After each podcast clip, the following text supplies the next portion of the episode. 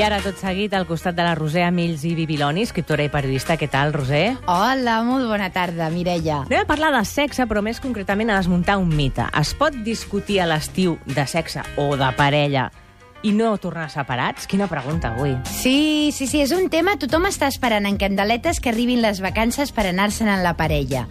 Doncs algú ha de dir, eh, pot ser delicat i cal saber unes quantes cosetes molt importants. És important saber discutir i saber discutir bé.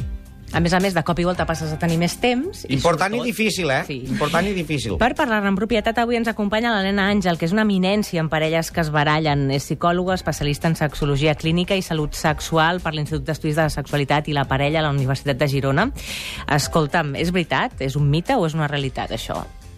És una realitat, no? Um, sí que és cert que quan tenim més temps, sovint tenim la idea de que el temps que no hem tingut durant tot el curs acadèmic de feina, a l'estiu aprofitarem i tindrem més sexe, no? I a vegades I, això ens no pensem, és real. Exacte, ens pensem que es passarem l'estiu cardant i, Sí, i que tot exacte, anirà i bé, es- però per cardar primer has de poder-te entendre en la parella. Clar, i es generen unes expectatives, no? Igual que quan anem a viure junts i ens pensem que, bueno, ho fem els caps de setmana perquè tenim cases dels pares, no? I quan anem a viure junts això serà cada dia.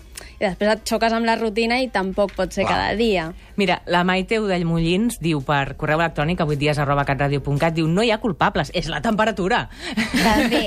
Això sí que és veritat, que entre la calor, els nervis de si fas viatges i organitzar coses i els nens i tot això, hi pot haver més, mm, una mica més susceptibilitat en la parella. Sí. Però el tema és parlar discutir de temes de sexe, Mhm. que és tenir sexe amb prou temps com per poder parlar abans i després. Això és lo delicat. I aquí ens trobem amb, amb un tema important, no? És, um, primer de tot, hem de saber comunicar-nos, no?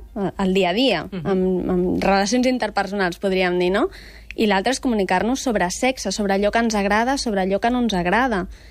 I si no ens ensenyen a comunicar-nos, encara menys ens ensenyen a comunicar-nos sobre el sexe, no? És encara més delicat. I quin és el manual de primers auxilis? A veure, que estem tots aquí. La fórmula màgica. Fórmules màgiques. Primer de tot, um, hauríem de, de, de parlar des del, des del com ens sentim. Val? És a dir, normalment comencem a parlar o, o a retreure l'altra persona. Des no? del és que. Mhm. exacte, és que uh, m'enfada perquè tu fas això i jo no. Ah, posem un exemple pràctic. No m'acaricies uh, a la resta del cos, vas directe uh, a lo On que tots ja vas. sabem. Per cada barraca. Per exemple, perso- això ara, jo estic molt enfadada dient això. Que... La teva parella podria dir-te, clar, però és que tu també vens molt atabalada i jo no sé si vols dedicar-hi temps o no. Et pot rebatre, no? Llavors entrem com es- en, en terminologia així més, més tècnica, no? Seria una escalada simètrica, val?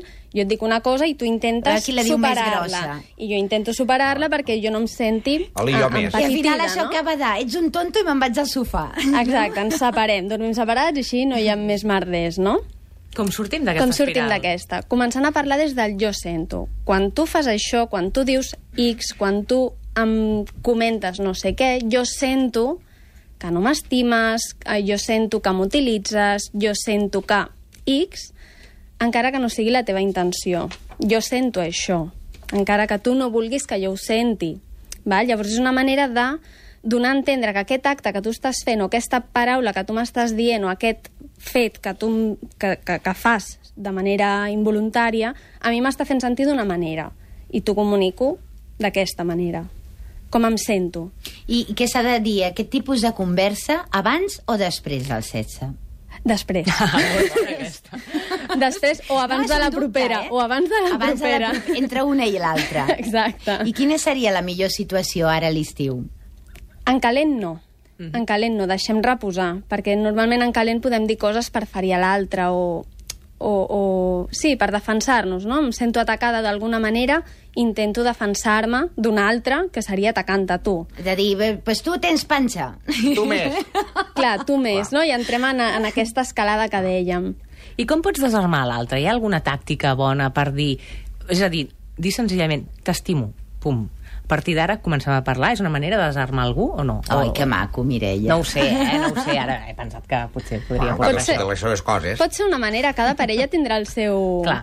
el seu model o el seu protocol no? en, en, les, en les discussions, en els temes a discutir. Cadascú no dirà, doncs, uns diran, mira, doncs esperem un temps, o un dirà, baixo la basura, quan torni en parlem, o t'estimo, però t'he de comentar una cosa, no? o t'estimo i t'he de comentar una cosa. O I també recorda- eh, Digues. acceptar que enfadar-se és normal en una parella. Perquè Sí. també hi ha parelles que intenten no discutir mai. Clar, i que jo ho he de- sentit, això, moltes Mm. vegades, de... Que llesta. "Ah, El papi, tu i jo no discutim mai. I jo Ja, m'es quedo mirant ja. així. Sí, i pensem malament quan algú diu això. Sí. Una cosa és discutir, l'altra és enfadar-se. Enfadar-se és el que dèiem. Jo intento tenir la raó i per això intentaré trepitjar-te, no? anar en contra tu perquè tu no m'ataquis a mi. No? Una mica la pataleta anem petit. I l'altre és discutir, que és el que fan les persones adultes. Parlem d'un tema, jo tinc una opinió, tu la teva, ens respectem. I ens pot enriquir discutir, Totalment. oi? I podem arribar a acords i no. O sigui, no cal que amb la teva parella tot i, i coincidiu. I ara posem un exemple d'una parella que porten tota la vida discutint malament i enguany, com que senten aquest programa, volen canviar. Què és el primer que haurien de canviar? La propera, no dir-ho en calent, esperar una miqueta i començar des del jo fins a sento. 10. Sí, i començar des del jo sento. En el moment en què movem un dels membres de la parella a l'altre, es començarà a moure per adaptar-se a aquesta forma. Doncs escolta, molt interessant, perquè a més ara molts tenen més temps lliure i es tracta de posar aquestes bases sobre la taula. Heu estat un gran exemple.